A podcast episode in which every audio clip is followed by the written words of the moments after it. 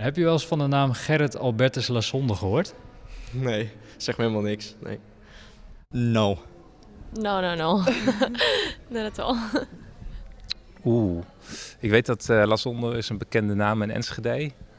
En zijn naam is verbonden, geloof ik, ook aan een deel van de single die door Enschede loopt. No. Zeg mij ook niet. Ik gok dat het de oprichter zal zijn, maar no nooit iets van gehoord, nee. Nee, maar zeg maar niks. Ik ken wel de Lasonde single, maar de naam verder geen idee.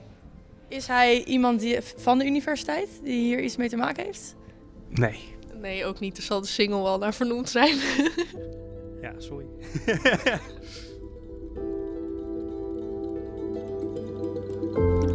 Hoi, ik ben Jelle Postuma. Ik werk als journalist voor You Today, het onafhankelijke nieuwsmedium van de Universiteit Twente. Je luistert naar mijn podcast Landgoed Drienelo, waarin ik in de geschiedenis van de jonge universiteit duik. Tijdens mijn zoektocht kwam ik de naam Gerrit Albertus Lasonder vaak tegen.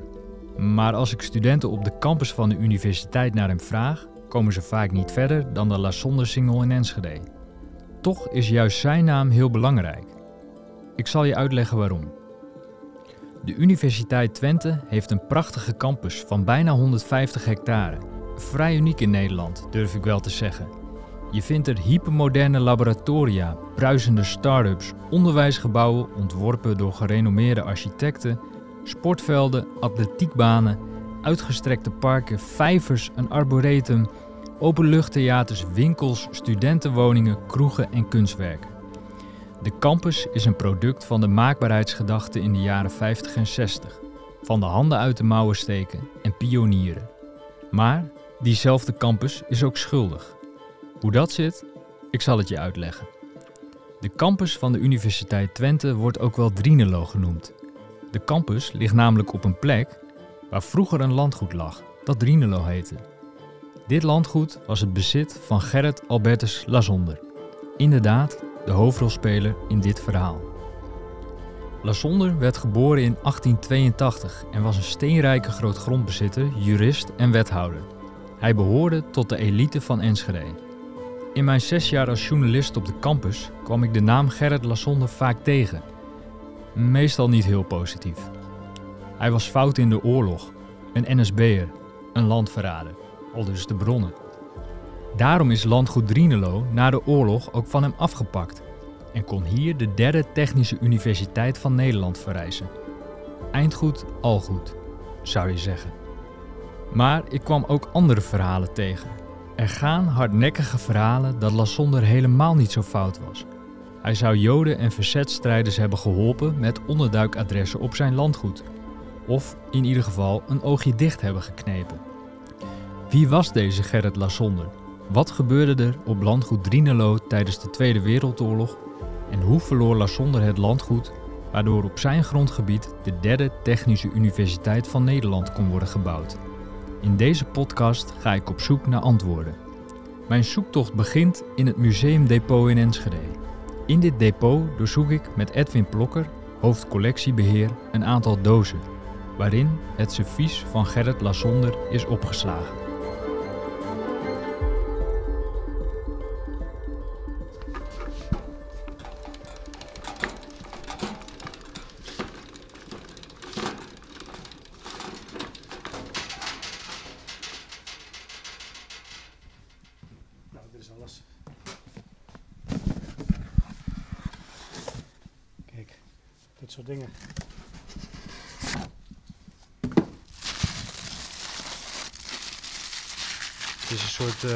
Eh. Van... Dus ja. Nou, het lijkt een beetje op dit, maar het is weer een andere kwaliteit. Dit is ook duidelijk gebruikt, hè, zoals je ziet. Dus het is gewoon een gebruiksadvies geweest. Ja, hij heeft een soort theekoppeltje ook op de campus. Dus, of tenminste toen nog landgoed Drienelo. Dus Ja. misschien heeft hij daar wel Dus heeft hij eh, daar wel thee gezeten vanaf, met eh, dit, eh, met ja. dit servies. Ja, sommige dingen zitten ook eh, basjes in of eh, kleine beschadigingen en zo. Ehm, in deze dozen zit het eh, servies van La- het Lassonder servies, zoals we dat noemen. En dat Lassonder servies, dat lag tot voor een, eh, een half jaar geleden, lag dat in eh, de schappen bij het Rijksmuseum Twente. En hoe is dat hier terechtgekomen? Nou, eh, bij het Rijksmuseum, daar lag het al sinds eind jaren 40 in de schappen. was nooit iets mee gedaan. En dat stond bekend als het servies van die NSB'er. Ja, want je zei, je vertelde me net al dat het kunsthistorisch, of ja, historisch misschien, of in ieder geval kunsthistorisch niet zoveel waard is. Nee. Waarom is het dan wel interessant? Nou, die Lassonder, dat, is een, dat was wel voor Enschede wel een bijzondere figuur. Even om een idee te schetsen. Zijn vader was de persoon van die Lassonderkerk en de Lassonder Singel. dus die hebben best wel uh, hier wat uh, tot stand gebracht. Uh, of dat, in ieder geval dat dat soort dingen naar hem vernoemd zijn. zijn vader schonk grote bedragen aan allerlei liefdadigheidsdoelen ongeacht het geloof, hè, of dat nou Joden waren of protestanten of katholieken, hij schonk grote bedragen. Dat deed zijn zoon ook. Dus de persoon waar we het over hebben, die schonk ook grote bedragen aan liefdadigheid. Het waren dus oude notabelen met een, soms een ver uh, textielachtergrond, maar eigenlijk gewoon notabelen. En uh, deze Lassonder die is ook uh, bijvoorbeeld wethouder van cultuur geweest voor de Tweede Wereldoorlog van Enschede. Het is best wel een bijzondere figuur. Maar die Lassonder, waar we het nu over hebben, Um, ja, dat was een, een, jurist, maar het was een studeerkamergeleerde. Hij kwam zijn, zijn, zijn kamertje nooit uit. Hij had een innige band met zijn moeder. En uh, op een gegeven moment op, leerde hij iemand kennen, mevrouw uh, Bauer, die overigens geen Duitser was, maar een Nederlandse. Die, die verloving die werd verbroken omdat zijn moeder het er niet mee eens was. He, dus zo'n innige band had hij wel met, die, met, met zijn moeder. En uh, zijn moeder, hij mocht bijvoorbeeld wel studeren in Groningen. Uh, maar dan moest hij iedere dag heen en weer reizen, want zijn moeder wilde dat hij thuis bleef. Nou, dat is even om een beeld te schetsen van de figuur waar we het over hebben. Uh, best wel een wonderlijke figuur dus. Een wonderlijk figuur dus. Even samenvatten. We hebben een excentrieke grootgrondbezitter, een moederskindje. Van hem heb ik net een servies bekeken dat bekend stond als het servies van die NSB'er. Hoe zit dat precies? Ik ben gelukkig niet de enige die geïnteresseerd is in Gerrit Lassonder. Hiska Bakker is programmamaker bij Studium Generale, een organisatie die lezingen verzorgt op de UT. Ze is historica en schreef laatst voor onze column over landgoed Drinelo, waarin ze vraagt om eerherstel voor Gerrit Lassonder. Misschien kan zij mij meer vertellen over hem. Even kijken. Hoi Hiska. Ik ben bezig met een podcast over de geschiedenis van de UT. De podcast moet gaan over het verhaal van Gerrit Lassonder. Ik zou graag eens met je afspreken hierover. Wellicht is het Karel Jongveld, waar vroeger het theehuisje van Lassonder stond, een goede plek. Hartelijke groet, Jelle. Op deze druilerige dag sta ik hier met uh, Hiska Bakker van Studium Generale. Um, vlak onder het carillon, die op dit moment niet aan het spelen is, maar dat misschien straks nog gaat doen. Uh, Hiska, waarom zijn we hier gaan staan? Uh, we zijn hier gaan staan, Jelle, omdat hier op de plek van het carillon ooit de theeschenkerij heeft gestaan die in bezit was van Gerrit Albert Lassonder, die ooit dit hele gebied Drinelo bezat. En hierop is later de Technische Hogeschool Twente gebouwd. Dus de huidige Universiteit Twente. En um, dit was een theeschenkerij op dit landgoed. Hij had hier op landgoed Drienelo ook nog drie boerderijen die hij verpachtte aan, aan boeren. En in deze theeschenkerij heeft hij uh, veel gasten ontvangen, ook tijdens de Tweede Wereldoorlog. Uh, want dat is eigenlijk waar we het nu over gaan hebben. En uh, die gasten die bestonden heel vaak uit NSB'ers, topstukken van de NSB. Anton Mussert, Van Geelkerken, uh, Rost van Tonningen. En hij ontving hier ook Duitse militairen die op dat moment Nederland bezet hielden. In het Campus Magazine heb je een column geschreven, De Schuldige Campus, over deze Gerrit Lassonde. Waarom heb je dat gedaan? Dat heb ik gedaan omdat ik op mijn manier eerherstel wilde voor Gerrit Albert Lassonde. Zijn bezit is geconfiskeerd en onteigend door uh, de gemeente Enschede na de Tweede Wereldoorlog. Uh, omdat hij fout was geweest. Hij was lid van de NSB, hij was getrouwd met een Duitse vrouw, hij ontving allerlei bobo's van de NSB en van uh, hè, de Duitse macht die hier op dit moment uh, heer en meester was. Hij stierf in de Tweede Wereldoorlog en na die Tweede Wereldoorlog is gezegd: hij was zo fout als je maar fout kunt zijn. Al het bezit wordt ingenomen door Rijk gemeente. En ik denk dat dat uh, onterecht is geweest. Want er zijn ook uh, zaken die voor hem pleiten. Hij heeft bijvoorbeeld uh, hier op het landgoed Drienelo Joden laten onderduiken. Bij de drie boeren die hier uh, op, op zijn boerderijen zaten en zijn land pachten. Hij wist daarvan. Uh, nog sterker, als uh, bijvoorbeeld mensen op zoek waren naar onderduikadressen. En heel concreet uh, leende het Overduin. Was een heel bekende leider van de verzetsgroep Overduin. Die het hele land doorging om plekken te vinden voor Joden. Soms lukte dat niet en hij heeft later gezegd... maar als ik dan echt helemaal omhoog zat... dan wist ik dat ik altijd terecht kon bij de boeren op landgoed Drienelo. Want zij zouden altijd, en dat hebben ze ook gedaan, die Joden een plek geven in hun boerderijen. En dat mochten ze doen van degene van wie ze dit pachten. Namelijk Lasonder. Hij kon ze makkelijk aangeven, heeft hij nooit gedaan. Maar er zijn nog meer dingen die voor hem pleiten. Hij heeft bijvoorbeeld ook donaties gegeven aan de Joodse zaak tijdens de Tweede Wereldoorlog. Maar dat zijn zaken die uh, uiteraard in die jaren 40, 45 niet publiek zijn geworden. Ik bedoel, dat, dat was zijn einde geweest. Feit is wel dat hij lid was van de, van de NSB. Waarom, waarom heeft hij dat gedaan, denk jij?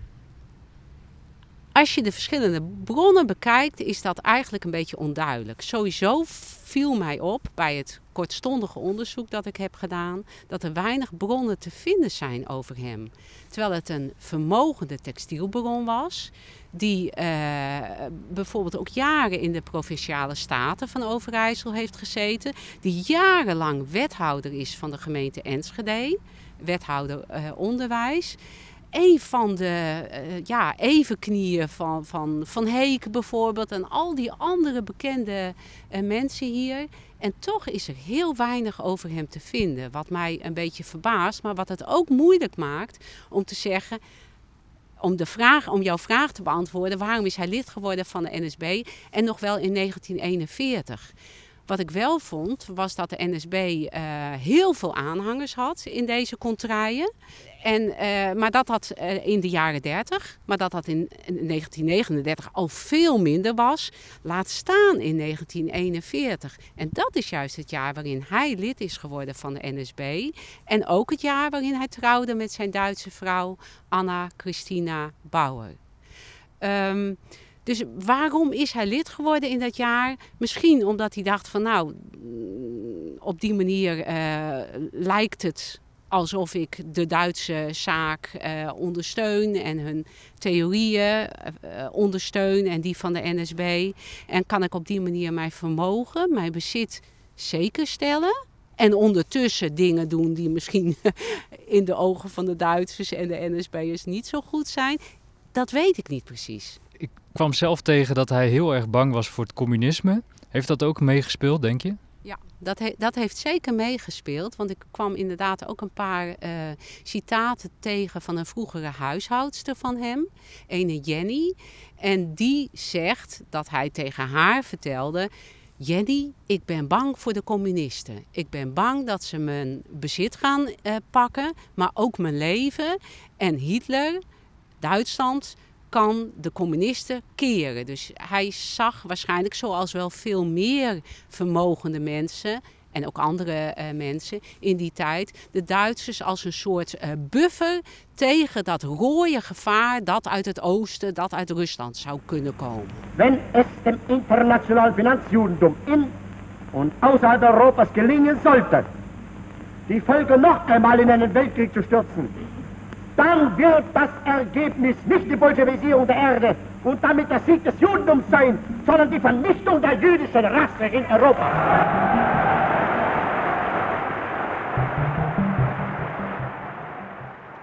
Het rode gevaar.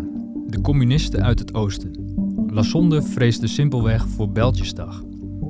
Het was de angst om alles te verliezen. Niet alleen zijn rijkdom, maar ook zijn leven. Hij was daarin lang niet de enige. Zowel binnen als buiten Duitsland steunden verschillende superrijke Hitler om zo hun eigen hachje veilig te stellen. Ook Edwin Plokker, je hoorde hem zojuist al even, gelooft dat Lassonde zich vooral uit luisbehoud aansloot bij de NSB. Uh, in de jaren 30 ontwikkelde meneer Lassonde een enorme angst voor het communisme. En hij dacht in de, uh, in de jaren 40 dat uh, de Duitsers en de NSB, dat die de beste remedie was tegen het communisme. En hij sloot zich dus aan in 1941 bij de NSB daar werd hij ook wel redelijk eh, fanatiek in. Hij had ook uh, Mustard had hij op bezoek. Hij schonk vanaf toen ook allerlei bedragen aan de winterhulp, aan de NSB zelf, aan allerlei Duitse doelen en zo. He, dus een deel, van zijn liefdadigheidsgeld ging toen die kant op. Maar hij had ook nog een andere kant, want hij had um, een heel groot landgoed. Uh, Drinelo, waar nu de universiteit op staat. Daar stonden ook een aantal boerderijen, er waren pachters. En het wonderlijke is dat op zijn landgoed, in zijn boerderijen, daar zaten zowel Joodse onderduikers als verzetstrijders. En dat wist hij. Hij ging daar gewoon af en toe naartoe om een praatje te maken. Dus het is heel wonderlijk. Aan de ene kant NSB, Duitse doelen uh, uh, steunen. En aan de andere kant op je eigen landgoed onderduikers hebben, zowel Joden als verzetstrijders.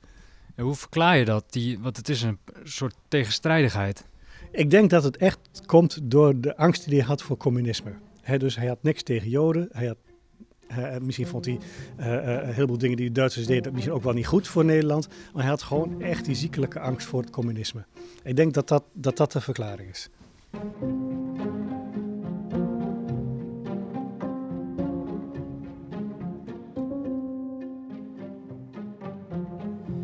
Ik krijg inmiddels een aardig beeld van Gerrit Lassonde. Een zolderkamergeleerde, een wat wereldvreemde man die lid werd van de NSB vanuit een ziekelijke angst voor het communisme. Sterker nog, volgens Hiska Bakker en Edwin Plokker lieten pachters van La Sonde joden en verzetstrijders onderduiken op zijn landgoed, de plek waar later de campus zou komen. Laten we teruggaan. Met Hiska loop ik rond op diezelfde campus, op zoek naar de historische sensatie. Want wat herinnert op de UT, waar inmiddels 13.000 studenten en ruim 3.000 medewerkers rondlopen, nog aan de Tweede Wereldoorlog? Uh, dit is een herinneringsplaats. Hier hebben waarschijnlijk Gerrit Lassonde en zijn vrouw rondgelopen. Hier hebben NSB'ers gezeten. Als we rondkijken, zien we dan nog meer plekken die aan de, ja, die tijd, die tijd van de Tweede Wereldoorlog uh, herinneren? Ja, dat zien we. Uh, het allereerste wat we zien, dat is het, zijn de oranje daken van wat wij in de volksmond hier op de campus de boerderij noemen. Het is ook de faculty club geweest. Het is begonnen als Mensa. Uh, voor, hè, dus als eetplek uh, voor de studenten en medewerkers van de, van de Technische Hogeschool. Dat is dus een van de boerderijen die altijd bewaard is gebleven. Gaan we dan nog verder naar het oosten, dus richting de stad Enschede, dan komen we aan bij de Horst, een van de grootste gebouwen van de campus. En onder de Horst liggen de gruzelementen, de brokstukken van de tweede boerderij van La Sonde. Die moest dus wijken voor de bouw van, uh, van dat gebouw in, in de jaren 60. Kijken we nu de andere kant op, richting Hengelo, dan uh, zien we, ja, door de bomen kunnen we het nu niet zien en er staan ook nog studentenwoningen voor. Maar daar hebben we boerderij Bosch met SCH. En dat is de boerderij waar uh, ook toen de Technische Hogeschool er al was, uh, nog een boer heeft mogen boeren.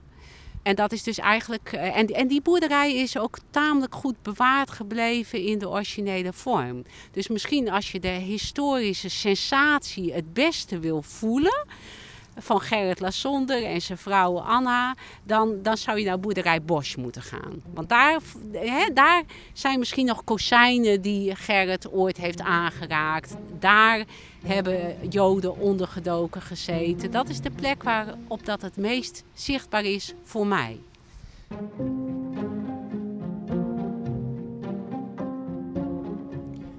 Boerderij Bosch, daar wil ik wel eens kijken om die historische sensatie aan een lijve te ondervinden. Ik ken het gebouw vooral als het thuishonk van de personeelsvereniging van de Universiteit Twente. Maar dat is weer een heel ander verhaal. Om deze podcast te maken heb ik ons eigen archief doorgespit. Dat is een dikke stapel oude kranten. Daar kwam ik een verhaal uit 1988 tegen van een freelance journalist. Het verhaal gaat over Gerrit Lassonder.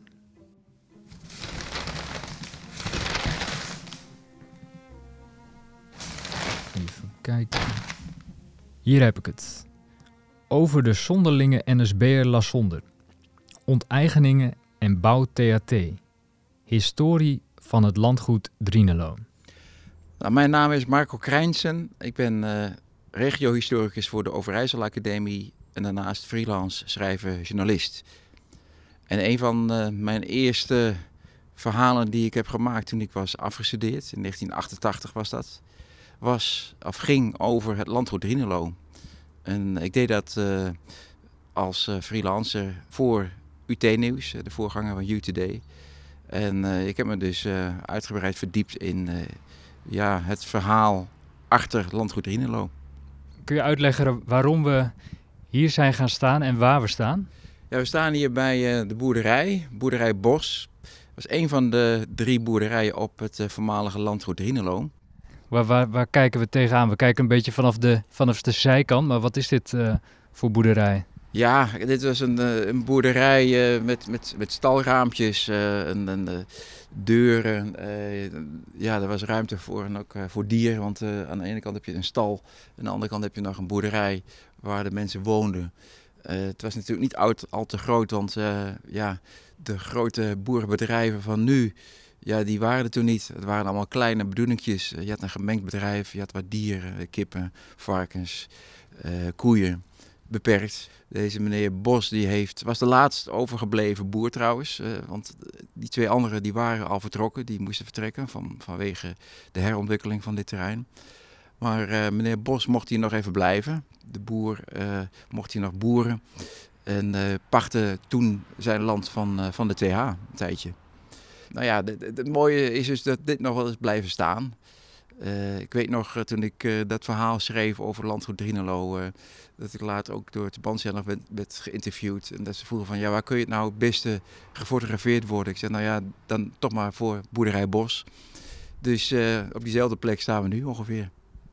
Ja, want je hebt inderdaad een verhaal voor UT Nieuws, de voorloper van U2D, geschreven. Waar ging dat verhaal over?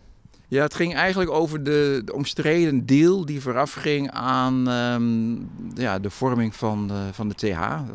Ja, het omstredene zit hem in de levenswandel van uh, Gerrit Lassonder. Het belangrijkste wat we van Lassonder moeten weten is dat hij lid is geweest van de NSB. En dat, heeft, dat is alles bepalend geweest voor het verloop der dingen daarna. En de manier waarop de campus ja, in handen viel van de gemeente, die noem jij in dat artikel omstreden. Uh, waarom was dat? Ja, er zat wel een luchtje aan, zou je kunnen zeggen. En uh, ja, die zit hem in een aantal dingen. Kijk, Lassonder was lid van de NSB. En dat is hem uh, aangevreven, na zijn dood ook. Want hij is, om, voor de goede orde, in december 1944 overleden. Tijdens de oorlog dus. Hij was getrouwd met een Duitse vrouw. Anna Christina Bauer. En ze zijn in de oorlog getrouwd. Dat zijn, een aantal, dat zijn belangrijke gegevens, want die uh, zijn gebruikt om, de, door de Nederlandse overheid uh, na de oorlog om dit landgoed te confisceren.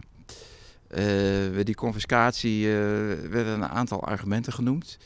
Lassonder was fout, was, want was NSB'er. En zijn weduwe, die dus eigenlijk de nieuwe eigenaar was geworden van het landgoed, was Duitse en dus vijandig onderdaan. En daardoor um, was de Nederlandse overheid gerechtigd, voelde zich gerechtigd om dit landgoed te confisceren. Maar deze Christina Bauer, die was in de oorlog getrouwd met uh, Lassonder en was dus, had dus ook de Nederlandse nationaliteit gekregen daardoor. Nou, die werd ongedaan gemaakt, die handeling. dus ook die nationaliteit werd haar afgepakt. En zij heeft er nog jaren over gedaan om die nationaliteit, die Nederlandse nationaliteit, terug te krijgen. Dus kort samengevat is het, zijn het die twee dingen die uh, omstreden zijn. Want Lassonder was weliswaar NSB'er, en dat is zeker niet goed te praten. Maar hij was minder fout dan werd gedacht of werd beweerd. Uh, wat was het geval? We staan hier nu bij een van de boerderijen van uh, Lassonder, of op het landgoed. Hij had ook nog een aantal andere boerderijen in Usselo. En die werden dus gepacht door de boeren. Op die boerderijen waren mensen ondergedoken. Joden, maar ook verzetstrijders. Zoals uh, dominee Overduin, een hele bekende uh, verzetstrijder uit Enschede. Die zaten daar ondergedoken. En die meneer Lassonder en ook zijn vrouw, die wisten daarvan. Sterker nog, ze waren elkaar al eens tegengekomen, hè, die, die Overduin en Lassonder. Uh, Lassonder heeft daar nooit iets mee gedaan. Hij wist ervan. Hij wist wat Overduin ook, waarom die was ondergedoken. Hij wist van de aanwezigheid van Joodse onderduikers, maar hij heeft ze nooit aangegeven. Dus in die zin zou je kunnen zeggen, eh, hij was fout, maar hij heeft nooit iets actief gedaan met zijn NSB-lidmaatschap. Ehm, maar hij was ook een beetje wereldvreemd. Uh, het, was, het, was, een opportunist van het zuiverste water, zou je kunnen zeggen. Uh, die vooral uh, bang was voor zijn eigen hachje en daarom lid is geworden van die NSB. En, dat is hem uiteindelijk, of ook zijn vrouw, fataal geworden. Want um, ja, daardoor kreeg de Nederlandse overheid um, de gelegenheid om dit landgoed te confisceren.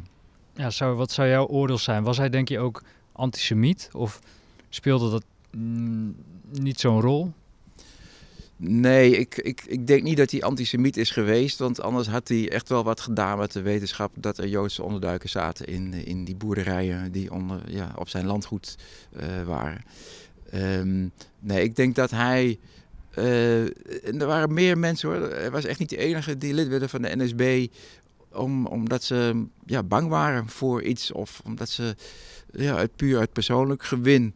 Maar ja, niet eens zozeer omdat ze tegen Joden waren of omdat ze uh, nou heel erg uh, pro-Duits waren. Maar ze dachten, ja, als die Duitsers hier komen, dan wil ik liever op de eerste rij zitten dan, uh, dan achteraan. ja, nogmaals, dat is niet, zeker niet goed te praten, maar het, het, het zwart-wit denken, wat zeker ook na die oorlog heel erg naar boven kwam in alle mogelijke uitingen. Dat zwart-wit denken, dat, dat, dat heeft inmiddels plaatsgemaakt voor wat meer genuanceerd denken. je had verzetstrijders die uh, werden geëerd als helden, maar die eigenlijk helemaal niet zo heel goed waren en, en, en ook nog wel heel erg foute dingen deden. Uh, en uh, mensen gewoon executeerden zonder enige vorm van ja, onderzoek of, of rechtszaken of wat dan ook. je hebt ook NSB'ers die ja, uit naam lid waren van de, van de partij om te voorkomen dat ze verdacht zouden zijn. En juist daar handig gebruik van maakten om ja, illegale activiteiten te ontplooien. En hij zat daar ergens tussenin.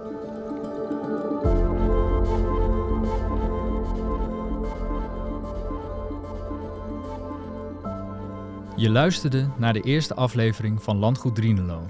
In deel 2 hoor je alles over het tribunaal, waarbij alle bezittingen van Lassonde worden geconfiskeerd.